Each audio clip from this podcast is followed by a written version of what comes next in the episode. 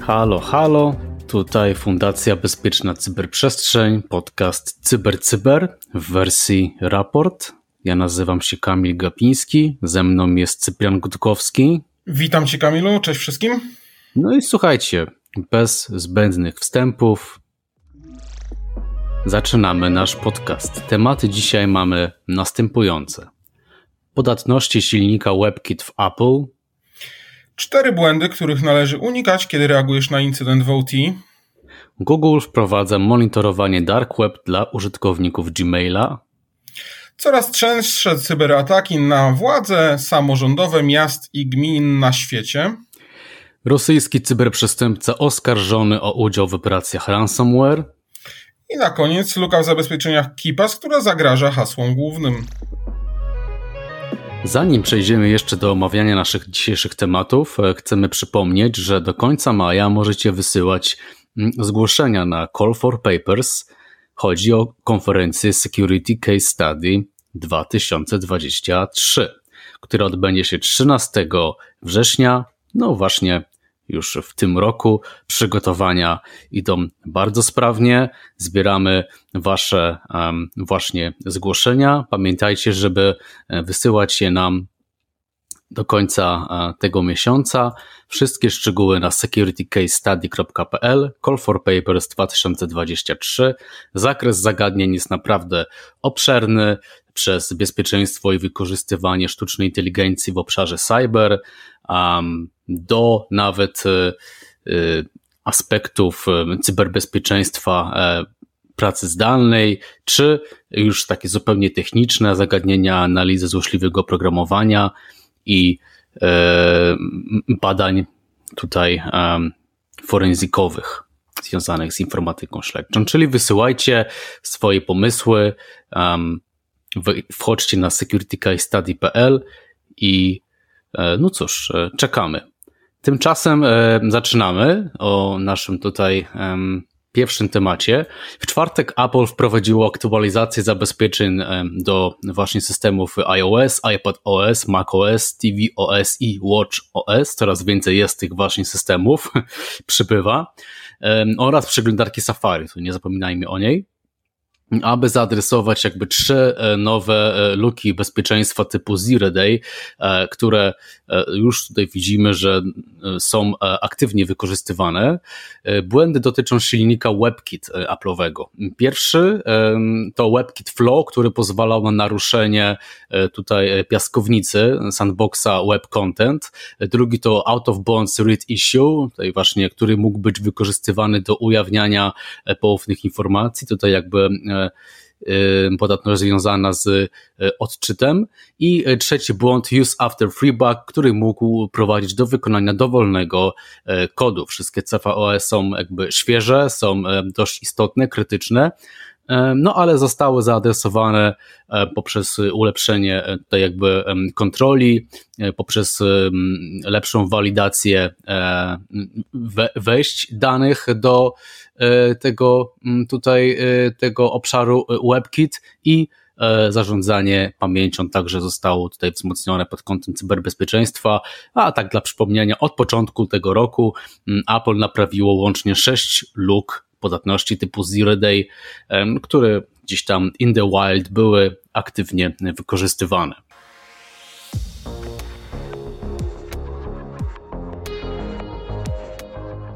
Partnerem strategicznym podcastu CyberCyber jest Koncert SA, lider na polskim rynku cyberbezpieczeństwa.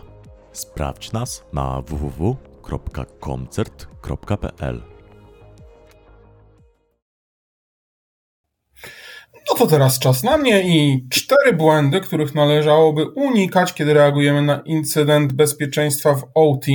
No to ty, Kamil, jesteś bardziej specjalistą od samego reagowania na incydenty, OT, reagowanie na incydenty w OT, no trochę jednak różni się od reagowania na incydenty w IT. I tutaj takie cztery najczęstsze błędy przytoczył w artykule e, darkreading.com i myślę, że warto się zapoznać. Sam nie wiem, jak się do tego odnieść, ale w zasadzie wydaje się to istotne, bo to, co działa w IT, może nie zadziałać właśnie w środowisku technologii systemów sterowania przemysłowego, w którym jak najczęściej musi być zachowana ciągłość produkcji, czy też dostępność i bezpieczeństwo właśnie tej operacji samej produkcyjnej. Także jeżeli chodzi o właśnie reagowanie na incydenty, a najczęściej wiele organizacji po prostu zakładało, że wszystko to, na co jest przygotowane w IT, szkolenia mm, cyber, to, które są w firmie, dotyczą najczęściej IT, no chyba, że firma jest zupełnie OT, no to wtedy to wygląda trochę inaczej, ale jednak jeżeli mamy więcej tego IT, to tego najczęściej dotyczą szkolenia i to najczęściej monitorujemy, a kiedy wydarza się incydent, no to co wtedy? Jak opisuje Dark Reading, najczęstsze obszary, w których organizacje potrzebują pomocy i najczęściej e, potrzebują, popełniają błędy, to taka może pierwsza zasada, którą stosują najpierw wyłączanie, później zadawanie pytań, dość klasyczne dla zespołów IT, jeżeli wiemy, że coś jest zepsute mamy na coś atak, no to odcinamy, żeby odciąć całkowicie od sieci. No to z OT tak do końca się nie da, dlatego, bo właśnie no OT najważniejsza jest ta dostępność i na przykład właśnie w przypadku ataku na Colonial Pipeline mm, tutaj mieliśmy do czynienia, że oni odcięli tak naprawdę te strefy OT, e, które nie były w żaden sposób dotknięte mm, tutaj e, atakiem, e, a jednak zostały odcięte, przez co spowodowały też jakieś straty, więc kwestia tego najszybszego odcięcia bez żadnego zadawania pytań, niekoniecznie przy działalności OT mm, jest łatwe. No, wiemy, że sieci OT też nie da się tak przywrócić szybko jak sieci IT, bo jeżeli mamy coś w backupach i coś wgramy, to to działa. Natomiast cały proces produkcyjny w OT będzie wyglądał e, zupełnie inaczej. Stąd to wyłączenie jest naprawdę już skrajnością i powinno być poprzedzone chociażby jakąś taką pobieżną analizą, a nie klasycznym wyciągnięciem kabla jak najszybciej, bo coś się dzieje.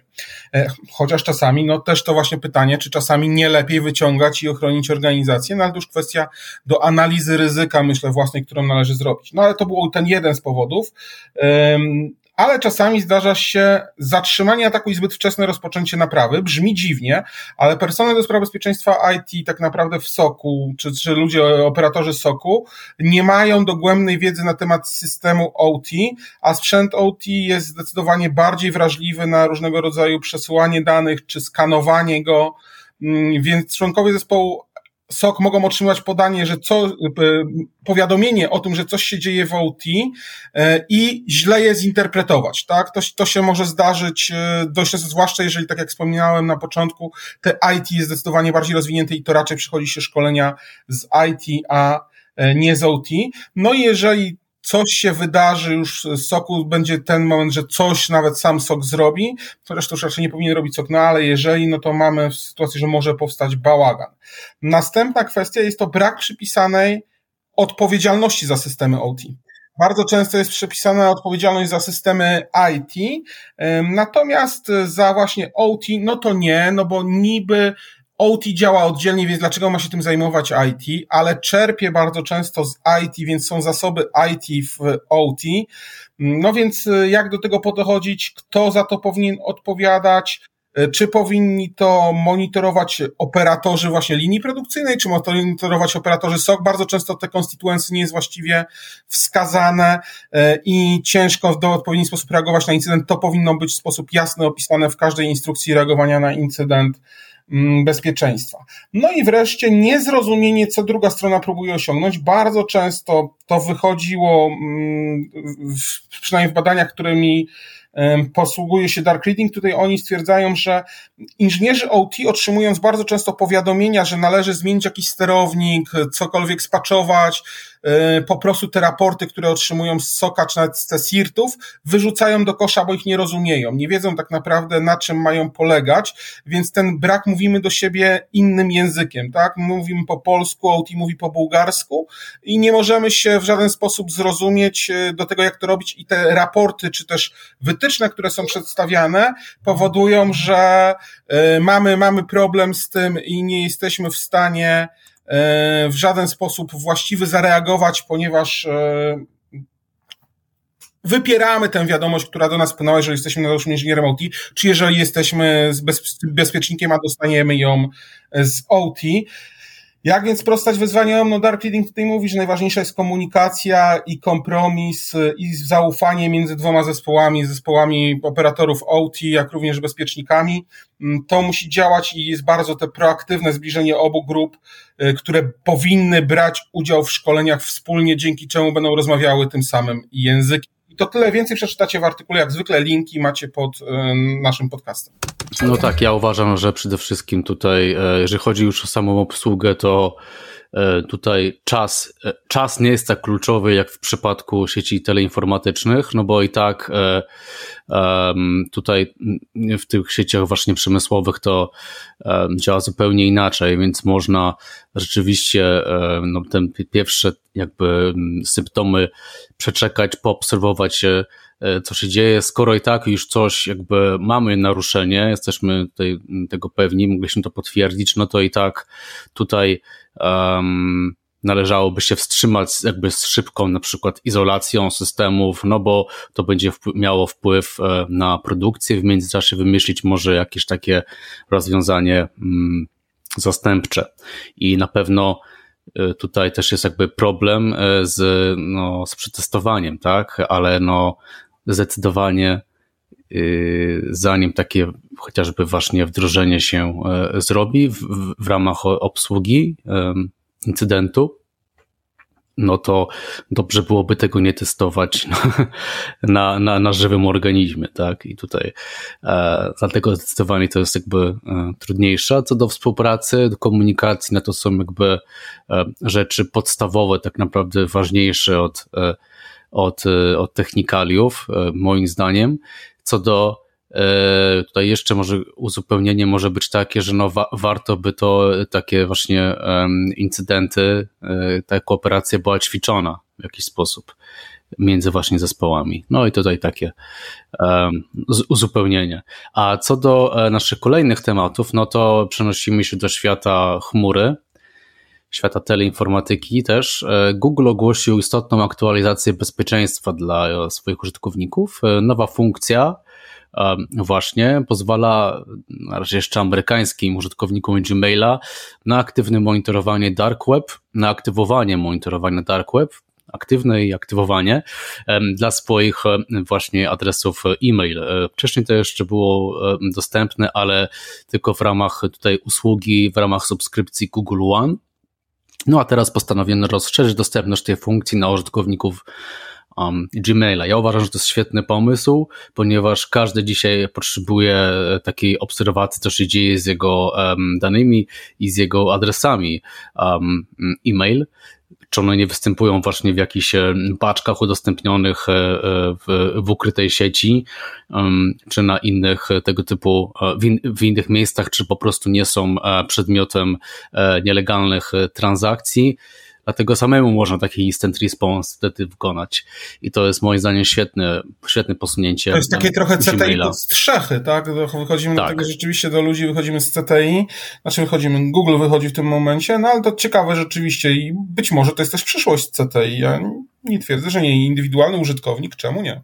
No tak, i pewnie tutaj oczywiście to monitorowanie, my tego nie testowaliśmy jeszcze, tak? To jest na razie gdzieś tam dla użytkowników e, e, w USA. Ja szczerze mówiąc nie znam tej subskrypcji Google One, ale no wyobrażam sobie, że tu jakby um, aktywowanie tego monitorowania oznacza po prostu, że no, otrzymujesz informację, tak? Że gdzieś ten adres um, twój e-maila, Gmaila wyciekł. No i to jest bardzo, bardzo ciekawa usługa.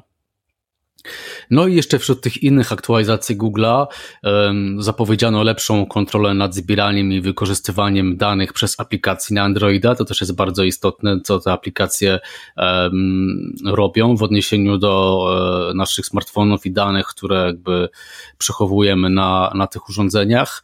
Łatwe usuwanie historii Google Maps, oddzielne wdrożenie Safe Browsing API, tak? Czyli to jakby bezpieczeństwo API się kłania.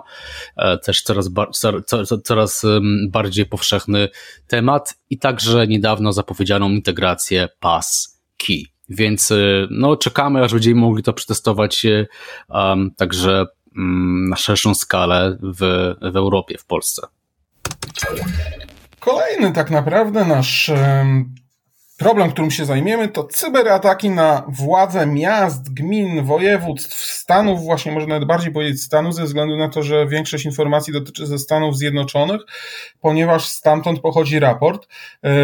I tutaj o tym pisze Cyber Defense Magazine, pisze, że właśnie liczba cyberataków na władze miast i gminy rośnie ponad dwukrotnie w porównaniu z rokiem ubiegłym, jeśli na to spojrzymy. Wynika to podobno z kilku czynników oraz z wyrafinowania hakerów, coraz częstszego korzystania z chmury obliczeniowej przez urzędy e, oraz braku funduszy, zasobów, właściwych kadr, wiedzy ogólnie wśród samorządów miejskich, gminnych i stanowych. Stąd e, takie te cyberataki są coraz częstsze, też coraz więcej mamy digitalizacji. E, a jakie to rodzaje cyberataków? Rzeczywiście znów na pierwszym miejscu klasyczny phishing, który pojawia się jako taki atak, potem jest złośliwe oprogramowanie, ale co ciekawe, nie ransomware, bo ransomware jest następny, czyli ogólne złośliwe oprogramowanie, które gdzieś tam wchodzi pewnie przez ten phishing, później jest ransomware, naruszenia różnego rodzaju danych, ataki odmowy mm, usługi, czyli DDoS, które również się pojawiają. Więc to, to są te najczęstsze spotykane na miasta.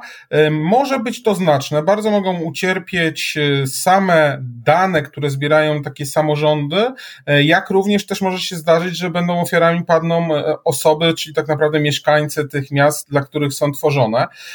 Stworzono taką właśnie mapę tego, co tak naprawdę się działo w Stanach Zjednoczonych w samym 2003 roku. Już w styczniu na przykład miasto Atlanta po ataku ransomware sam szacunkowy koszt odzyskania danych które znajdowały się tam, wynosił 17 milionów dolarów. Wydano w Atlancie na to, żeby, żeby odzyskać dane, które zostały naruszone, uszkodzone po ataku ransomware. W lutym w Nowym Orleanie, w stanie Louisiana, doszło do ujawnienia ponad 100 tysięcy danych mieszkańców, które były e, spowodowane luką w zabezpieczeniach strony E, internetowej. W marcu w dużym mieście San Francisco w Kalifornii znowu 70 tysięcy pracowników. E, tutaj spowodowane luką w miejskim systemie płac. Można było się do niego dostać i to zrobili hakerzy. Wreszcie już takie inne po marcu, czyli już mamy kwiecień i teraz co się działo i jest tego rzeczywiście całkiem sporo, bo to Miasto Chicago, gdzie znowu 50 tysięcy danych w systemie rozliczeń zawody został schakowany system rozliczeń zawody, 50 tysięcy danych mieszkańców zostało ujawnionych. W Filadelfii 40 tysięcy mieszkańców poprzez atak strony na Wydział Zdrowia.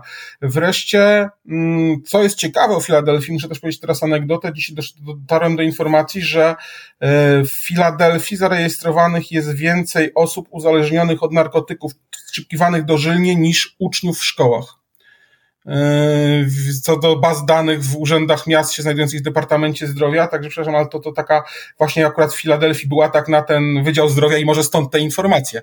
Więc, więc rzeczywiście, rzeczywiście tak jest. Miasto Dallas w Teksasie z kolei ataka ransomware, szacunkowy koszt odzyskania milion dolarów spowodowany przez e, lukę w systemie pocztowym i cały stan Karolina Południowa, tutaj ujawniono dane osobowe ponad 700 tysięcy e, mieszkańców. E, oczywiście system ubezpieczeń był tutaj przyczyną tego, że się włamano, więc te systemy ubezpieczeniowe też muszą być dobrze strzeżone. To byli tylko osoby bezrobotne w stanie Kalifornia, 700 tysięcy, 700 tysięcy osób i koszt tak naprawdę teraz w mieście San Jose w Kalifornii, znowu atak ransomware 10 milionów dolarów. Miasto Cincinnati w Ohio 5 milionów dolarów, no cały szereg miast, który rzeczywiście został zhakowany. E, przyczyn wiele, tak jak wspominaliśmy, powody to brak środków, wiele gmin nie ma środków na inwestowanie w solidne środki bezpieczeństwa, bardzo często przestarzała technologia, przez, korzysta z przestarzałych systemów, podłączając je bardzo często do nowoczesnych rozwiązań, do przetwarzania danych, brak szkoleń, pracownicy nie są szkoleni, no i brak świadomości, ludzie też nie wiedzą, co, to zresztą możemy spojrzeć na nasze podwórko i zobaczymy dokładnie to samo, co, jak, tutaj jest też mowa, jak się bronić. Należy posiadać plan reagowania, solidne plany tworzenia kopii zapasowych i ich odzyskiwania i edukacja pracowników, że to będzie najcudowniejsze i najbardziej zbawienne. Oprócz tego jeszcze w artykule to się Wam możemy powiedzieć, że jest tam fragment, który mówi, że bardzo fajna jakaś maszyna do audytów haseł. To jest tam reklama, więc dlatego mówimy, was ostrzegamy, że rzeczywiście znajduje się tam reklama już dalej tego produktu rozwinięta na ponad półtorej strony. Tam nie czytajcie już. Nie, no możecie przeczytać, bo może to coś fajnego, nie? Ale, ale rzeczywiście sam raport jest ciekawy, natomiast to już jest inna sprawa. E, okej, okay. kolejny temat. E, Michał Pawlowicz Matwiejew, lepiej znany pod pseudonimami Wazawaka, Borys Jelcyn, to jest jego kolejny pseudonim, ale sprawa nie jest śmieszna. Obywatel Rosji e, został zidentyfikowany przez Krebsa z portalu Krebs on Security. To jest e, no, no, znana postać w cyberbezpieczeństwie, e, bloger, specjalista. Jego interesujące artykuły można właśnie czytać na, na stronie no, zidentyfikował go jako aktywnego uczestnika kilku czołowych grup ransomware cały czas ten ransomware się przewija, no ale cóż, cóż zrobić. I właśnie Department, Department, Departament Sprawiedliwości USA ujawnił dwa akty oskarżenia przeciwko um, Matwiejewowi. Zgodnie z zarzutami amerykańskich prokuratorów, e, Matwiejew współdziałał z trzema różnymi gangami ransomware, które wymuszały właśnie zarówno od firm, od szkół, ale także szpitali, nigdy nie jestem w stanie pojąć, oraz agencji rządowych e, e, tutaj amerykańskich. No i te, te wyłudzenia były właśnie, jak tutaj Cyprian zresztą nam prezentował, na setki miliony dolarów. Akt oskarżenia e, sugeruje, że Matwiejew był zaangażowany w spisek mający na celu dystrybucję ransomware od trzech różnych grup, w tym e, grupy Babok, Hive i Logbit. Tutaj Logbit bardzo jakby znana kampania. Zgodnie z tymi zarzutami e, w czerwcu 2020 roku Matwiejew wraz ze swoimi kolegami, tutaj hakerami z Logbit użyli ransomware przeciwko organom ścigania w hrabstwie Passaic w stanie New Jersey. Również e, w międzyczasie teraz Departament Skarbu e, amerykański umieścił e, Matwiejewa, czy Borys Jelcina, czy Łazawakę na czarnej liście osób, z którymi zabroniono jest przeprowadzanie transakcji finansowych, no i generalnie robienie biznesu. No i oferują nagrodę w wysokości 10 miliona dolarów za aresztowanie Matwiejewa. Wydaje się to oczywiście mało prawdopodobnie, ponieważ mało prawdopodobne, ponieważ Matwiejew rezyduje w Rosji, do czego zresztą się przyznaje w swoich shortsach na YouTubie chociażby, e, które zresztą chętnie udostępnia razem ze swoją e, twarzą i tutaj właśnie robi taką e, YouTube'ową, można powiedzieć, cyberdramę z Krebsem na dobrą sprawę. Tak, więc on jakby niczego się nie boi, mówi, że matuszka Rosja go tutaj obroni, wystarczy tylko być patriotą we własnym kraju. No a w przypadku skazania um, grozi mu kara więzienia przekraczająca 20 lat. Zobaczymy, jak ten temat się będzie um, rozwijał. Sprawdzajcie bloga Krebsa.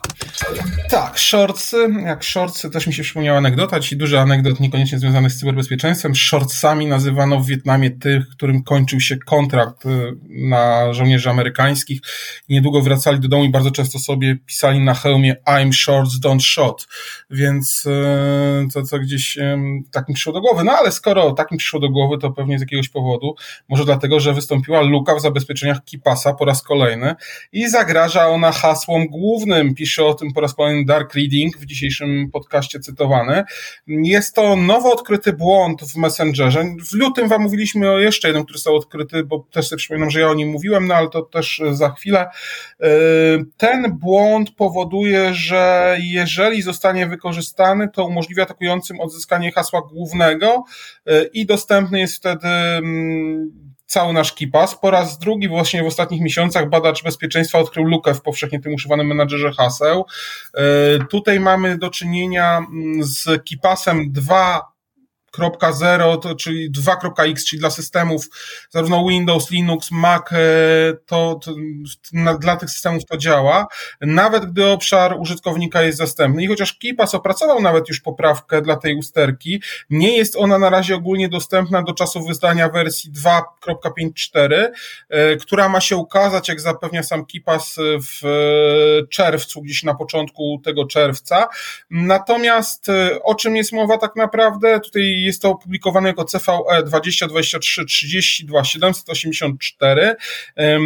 Problemem jest to, że tak naprawdę całą tę kwestię już ten badacz opublikował w GitHubie, tak? Więc mamy tak naprawdę dostęp do tego, jak cała ta luka działa i również mają do niej dostęp przestępcy.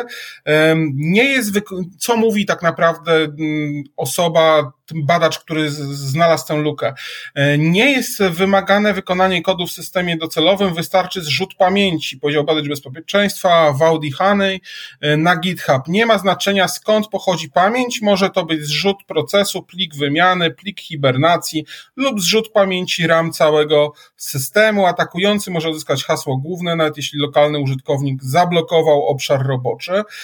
No więc tak naprawdę istnieje ta możliwość tego dostępu do naszych haseł. Patch dopiero na początku czerwca, więc musimy, musimy z tym żyć. Znaczy ja nie muszę, bo ja nie mam kipasa, e, ale, ale rzeczywiście część, część z Was będzie musiała z tym żyć lub w jakikolwiek inny sposób e, zadziałać.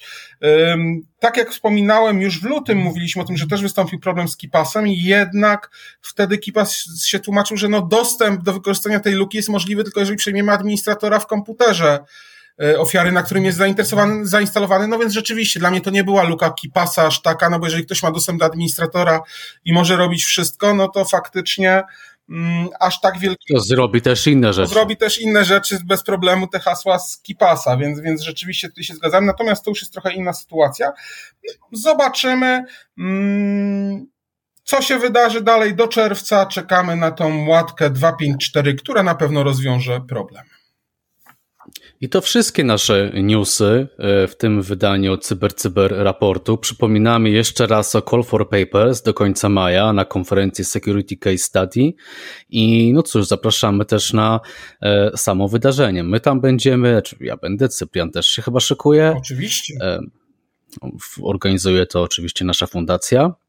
I no cóż, do zobaczenia 13 e, mm, września na konferencji, a do usłyszenia w kolejnych odcinkach Cyber Cyber Raportu. Ale Cóż. chyba za, ty za, tydzień jeszcze będzie. Okej, okay, przepraszam, to za dwa tygodnie pewnie nie będzie Cyber Cyber Raport, ale to, to uprzedzam fakty. Wyprzedzasz fakty, no kiedyś się ukaże. za tydzień na pewno. Cyprian Gutkowski. Kamil Gapiński. To właśnie my. Dziękujemy, bądźcie cyberbezpieczni. Cześć. Cześć.